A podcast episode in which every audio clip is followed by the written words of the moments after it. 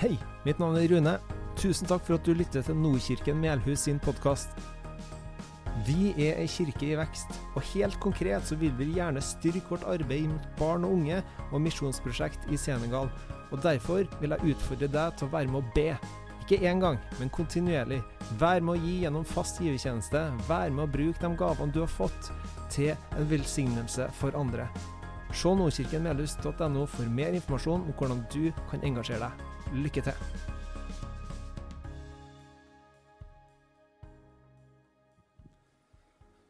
Shalom, shalom. Kjekt å være her igjen. And uh, special welcome to our Ukrainian friends, brothers and sisters.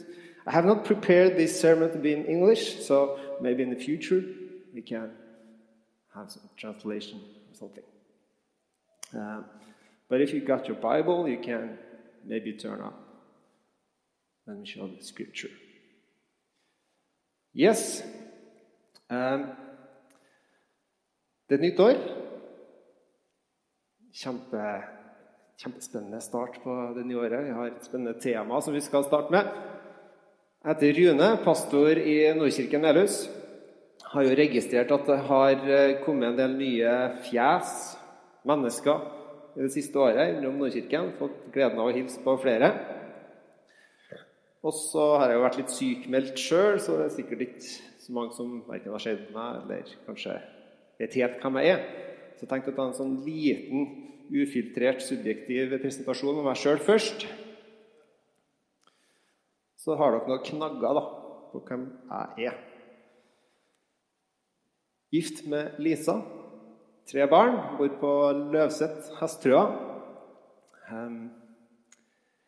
Er pastor, ja.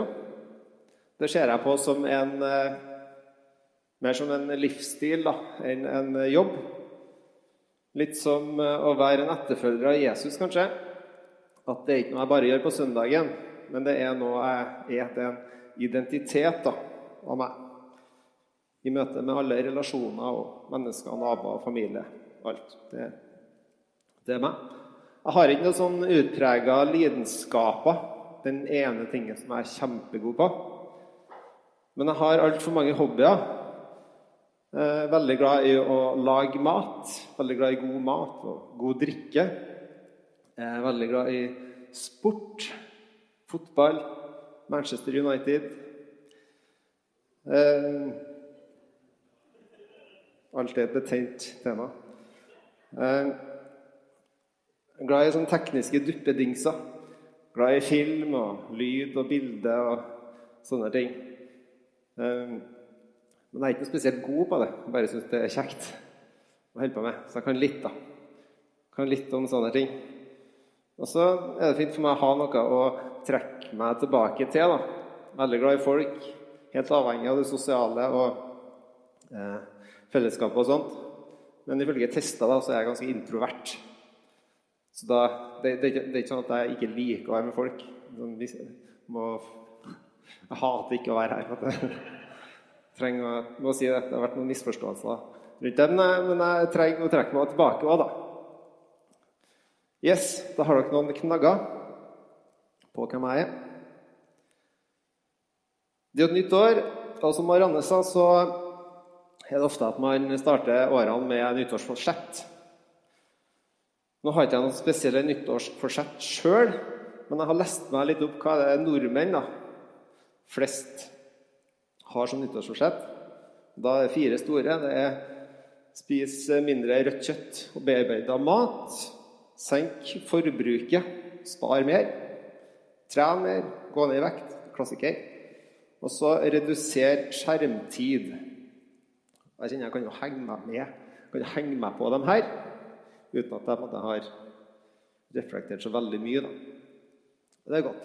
Og I Nordkirken så har vi også et nyttårsforsett. Jeg liker å omdefinere det som nyttårsforsett, men det er visjonen vår.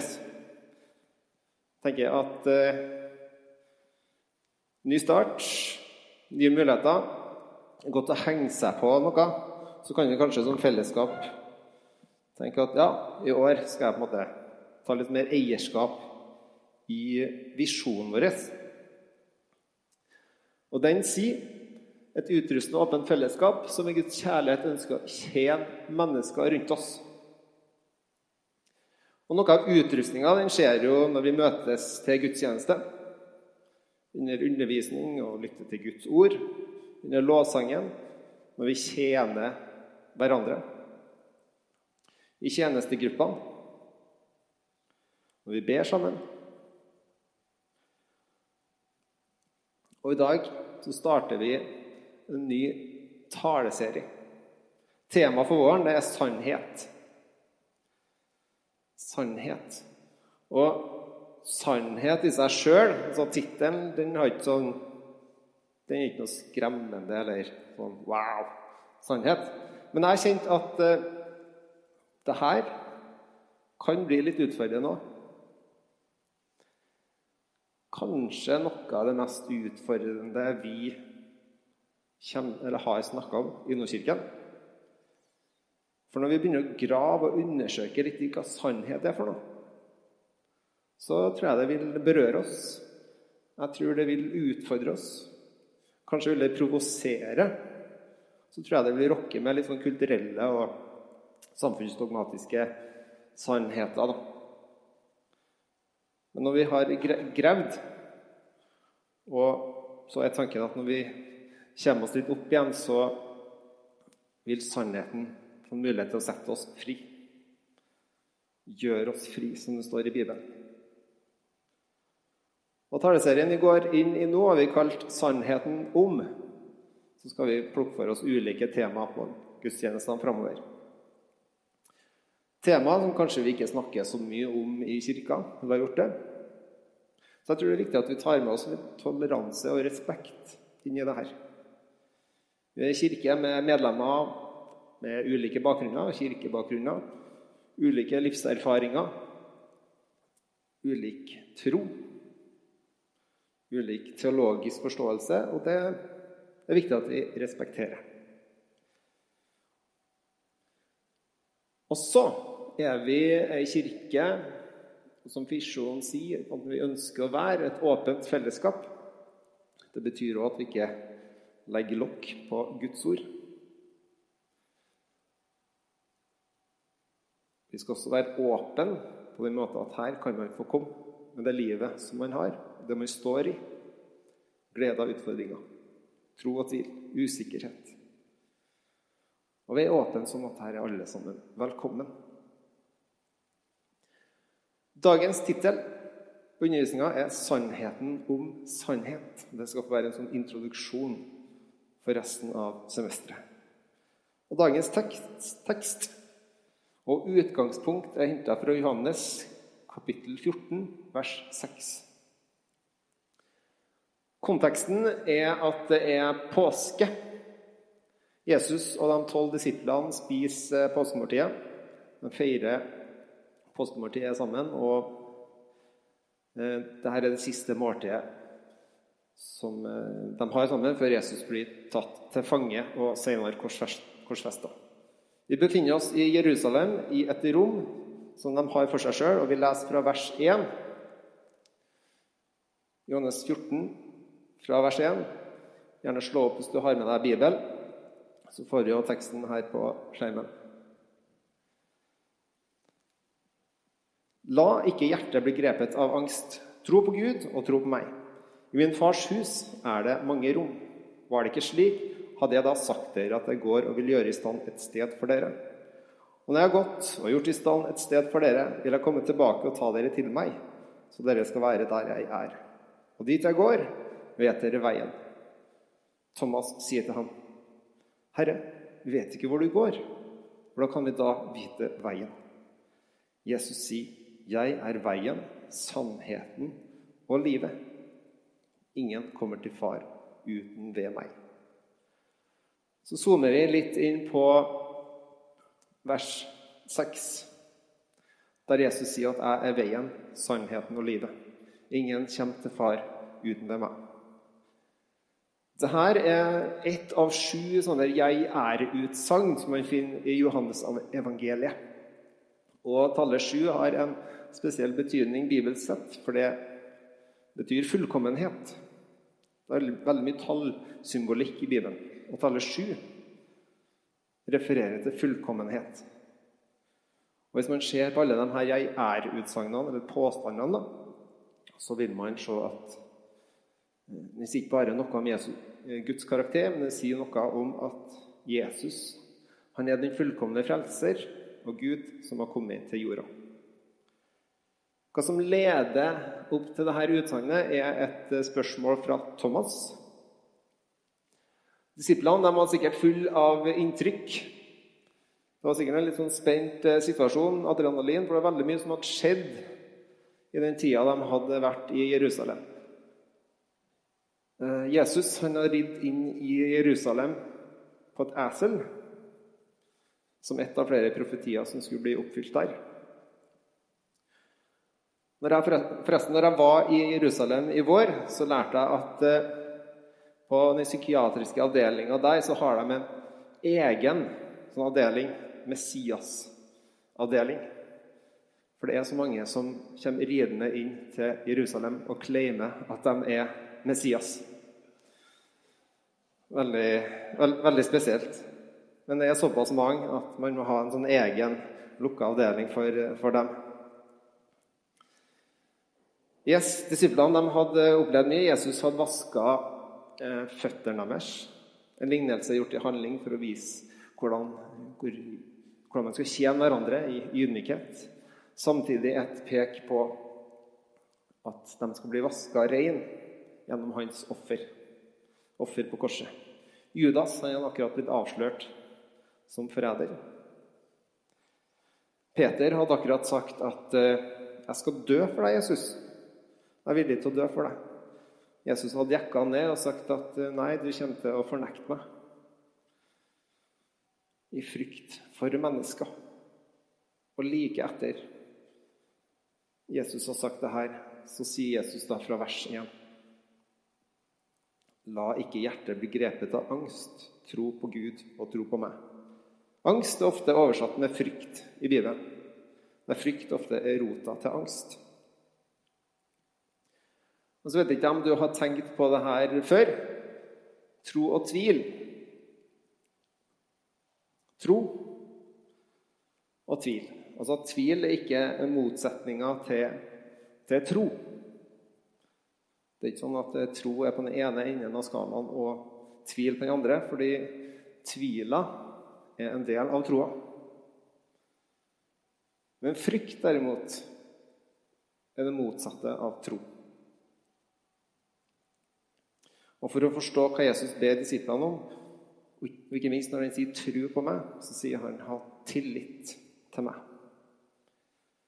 Vil de ha tillit til hvem han er, til hvem han sier han er, og tillit til hva han har gjort og skal gjøre. Se på meg. Når frykta kommer, når mørket kommer, når tvila kommer, så er ikke du alene. Ha tillit til meg.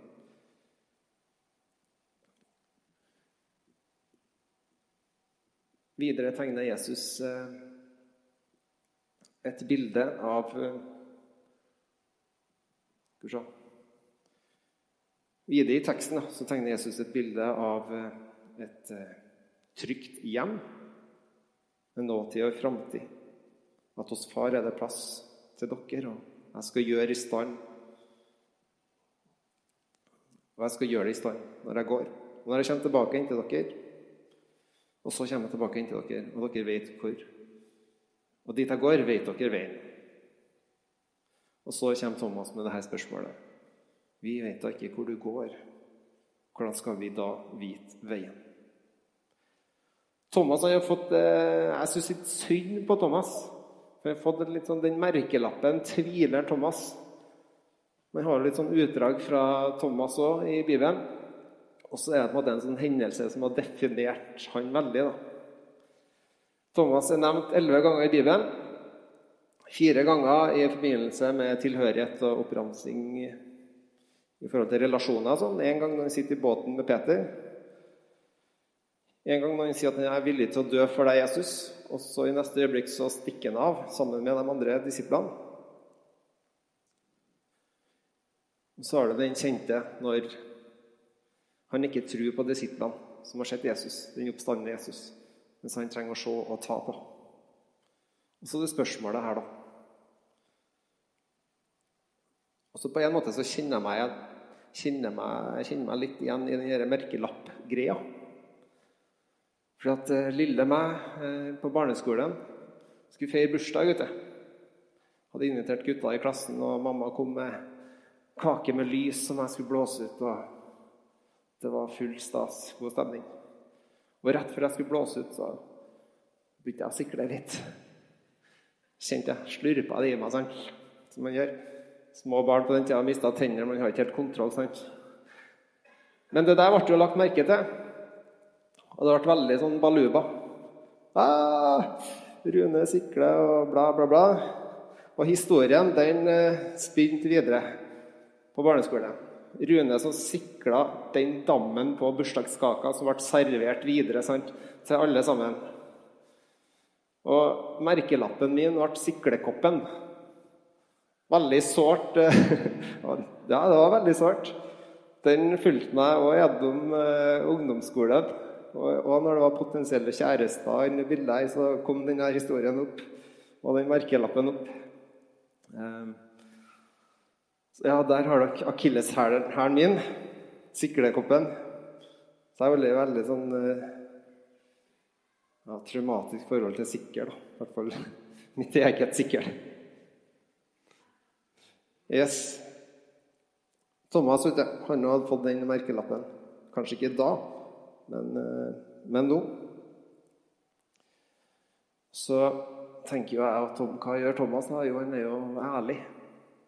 Thomas er ærlig. Han tviler for at det er menneskelig. Han spør fordi at han ikke skjønner.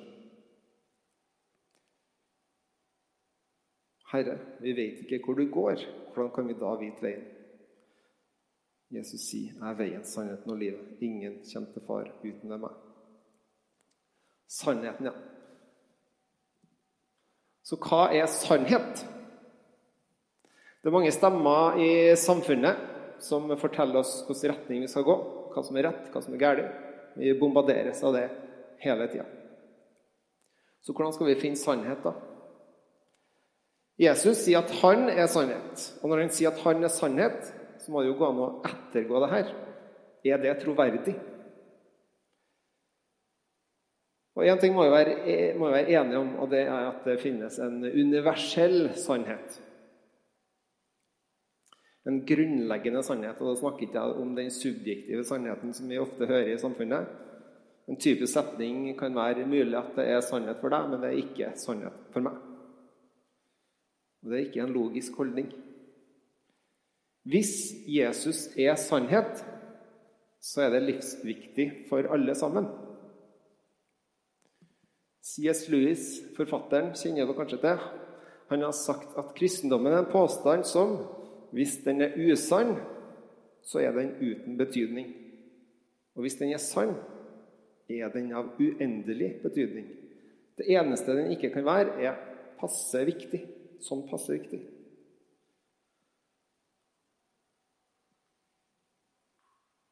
Sånn passe sann. Dersom Jesus er sannhet, så vil også det Jesus sier, være sannhet. Jesus han anerkjente de gamle skriftene, Det gamle testamentet, den gamle pakts. Og han hadde gitt apostlene autoritet som tjenere for den nye pakt. Den nye pakt som kom med utfrielsen i Jesus. De nye paktsbøker, Nytestamentet, og den gamle paktsbøker, Det gamle testamentet. Apostlene de hadde autoritet som overbringer, vokter og bevarer av den nye pakt til alle nasjoner. Derfor ble apostlenes evangelium og brev anerkjent som en del av Skriften, Det nye testamentet. Det er litt sånn nerdestoff, eh, men jeg syns eh, apologetikk kan være veldig spennende. Sånn faktabasert trosforsvar. Det å undersøke bakgrunnen for Bibelen. Hvem skrev det her? Hvem hadde skrevet til? Eh, Hvilken troverdighet har det her? Gjerne backa opp gjennom forskning og vitenskap og historie og arkeologi. Og alt det her ligger i grunnen for semesterets eh, taleserie om, om sannhet. Da. Nettopp for at vi tror at denne boka her det er den som taler sannhet. Sannheten om hvordan vi er blitt til. Sannheten om hvordan jorda har blitt til. Den ikke ble til ut ifra ingenting, men at det står en skaper bak. Sannheten om ditt liv. At livet har en hensikt og en mening. At du ikke er her av en tilfeldighet. Men at du er ønska, at du er villa, at du er elska og uendelig verdifull. Sannheten om vår fortid og sannheten om vår fremtid. Vår grunnholdning, at, eh, grunnholdning til Bibelen er at det er Guds ord.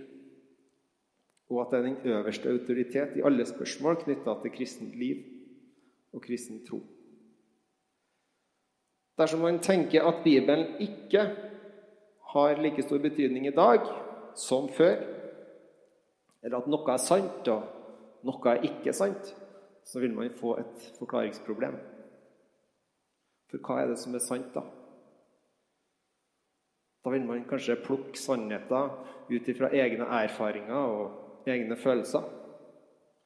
Det som passer meg bra nå, eller det som passer best for mitt liv. Ikke er det samme som å ta Guds plass og si at 'jeg vet bedre enn deg, Gud, hva som passer best for meg'. Det å basere, basere sannhet ut ifra følelser og erfaringer det tror ikke jeg er en god idé. Alle mennesker søker sannhet, noe å bygge livet på. Og jeg skjønner at det er vanskelig da, å navigere seg gjennom det her med alle stemmer. Vi bombarderes av påståtte sannheter hele tida i media, og kanskje spesielt sosiale medier. Media har enorm makt med å filtrere ut hva de vil at vi skal lese hvordan vi skal påvirkes og ikke. Og Det er ikke lenge siden vi ble introdusert for ordet 'fake news', falske nyheter, løgn. Det første løgna vi hører om og kan lese om, står i første Mosebok i forbindelse med syndefallet. Mennesket valgte å lytte til løgn og ble skilt fra Gud. Et av navnene på Satan, eller djevelen, det er løgnens far. Og Det finner vi bl.a. i Johannes kapittel 8, der Jesus er i konfrontasjon med, med noen jøder som ønsker å, å drepe han. Jesus sier dere har djevelen til far, og, og dere vil gjøre det deres far ønsker. Han har vært en morder fra begynnelsen av og står utenfor sannheten. For det finnes ikke sannhet i han. Når han lyver, taler han ut fra sitt eget, for han er en løgner og løgnens far. Om vi lukker ørene for sannhet, vil ikke vi da åpne opp for løgn? Så hvordan, hvordan kan vi lytte til sannhet, da? Hvordan kan vi leve i sannhet? Hvor finner vi sannheten? Hør hva Jesus, Jesus sier til jødene som har kommet til tro på ham, samme kapittel, fra vers 31. Jesus sa da til jødene som var kommet til tro på ham, Hvis dere blir i mitt ord, er dere virkelig mine disipler. Da skal dere kjenne sannheten, og sannheten skal gjøre dere fri. Nøkkelvers i det vi skal snakke om i vår. Vi går mot slutten. Jeg har lyst til å vise et eh, klipp som jeg har fått tips om, som tar eh, det her det vi kommuniserer i samfunnet, litt på, eh, på kornet. da. Et klassisk utdrag fra, fra det her stemmene.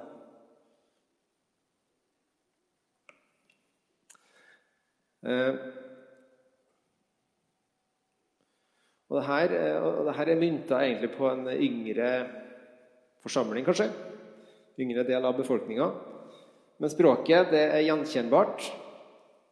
Og Apropos språk, så er det ganske mye banning i det klippet her. Det er kanskje de fleste ordene fra banneordboka. I hvert fall de topp, toppordene. Men det er også en del av virkemidlet. Det er, det, det er sånn man kommuniserer. Klippet fra P3 Gull. og Dette er en sketsj som utspiller seg fra scenen, der han programleder Lars Berrum han får en sånn meltdown. altså Han står og kikker over forsamlinga, og så begynner han å snakke seg sjøl ned. Han sammenligner seg med dem og tenker Hvem er jeg? på en måte? Se på alle de her som har så fine klær. Eh, og Så ser han på seg sjøl og så tenker han, nei, men jeg, jeg, jeg er ikke kul nok. Jeg er ikke kul nok til å være her. Og Så begynner han å tenke på alderen sin. Jeg er for gammel. og Så får han et sånn sammenbrudd, og så stikker han av og for å gjemme seg på do. da. Og det er her vi, vi hopper inn. Vi hører det så ofte, da, at er det din sannhet, så er det sannhet for deg. Kanskje var det det han trengte å høre akkurat i den setninga der. Og du er god nok. Utgangspunktet er veldig flott å si da, i et prestasjonsjaga samfunn som vi lever i. Og jeg sier det jo sikkert sjøl og hører det hele tida, at det du presterer, det er godt nok. Men Bibelen forteller oss faktisk et helt annet budskap. da. Du er slett ikke god nok. For det handler ikke om dine prestasjoner. Det handler ikke hvor mye eller hvor lite du får til, men det handler om hva Gud har gjort for deg. Jeg har lyst til å trekke inn eh, helt til slutt en sitat fra en som heter Jale Skullerud. Et utdrag fra artikkel i Gotland. Mange forkynner frimodig til ungdommen 'du er god nok'. Det tror jeg er en feil måte å kommunisere med ungdom på. Hvis jeg forteller deg at du er god nok, så legger jeg jo ansvaret over på deg. Da blir det opp til deg å bevise at du også i morgen er god nok. Nei, ikke si til ungdommen at de er gode nok. De tror ikke på det. Vi som forkynnere må fortelle de unge at de er elska av Gud og av oss. Det står fast, uavhengig av hva de finner på. Og Så sier Thomas Wilhelmsen videre. For meg er det nettopp når jeg innser at jeg ikke strekker til at jeg erfarer Guds kjærlighet på det sterkeste. Det er også det som forandrer meg til det bedre. Vår verdi, og derfor verdt å kjempe for, bunner i at vi er skapt i Hans bilde fra skapelsen av. Korset er sånn sett bare en demonstrasjon på kjærlighet som alltid var der, men selvsagt også et nødvendig offer for å betale for vår skyld. Mitt hovedanliggende er ikke at vi skal gå rundt og kommunisere hverandre eller ungdom ned. Mitt hovedanliggende er at vi har et mye bedre budskap enn at vi har gjort oss fortjent til å være innafor. Og det har vi. Evangeliets radikale budskap handler, om at når du er på ditt svakeste, og uavhengig av hva du får til, så er du elska, ønska og villa. Jesus døde ikke på grunn av dine prestasjoner men heller på tross av. Jesus sier, 'Tru på Gud, tru på meg'. Ha tillit til den jeg er, og at det jeg har gjort, er nok for deg.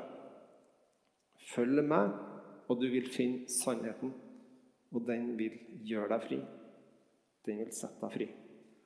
Da kan lovsangstida komme. Takk, Jesus, for eh, at du gir tillit til ditt offer. Og din frelse kan få stå rettferdig framfor deg. Takk for at det ikke handler om eh, oss, det du har gjort, men hva du har gjort, Jesus. Ber om at eh, det semesteret her skal få lov til å føre oss med temaet her, føre oss nærmere deg, Jesus. Hjelp oss å se hva som er, er sannhet. Og hjelp oss å være bærere av sannheten.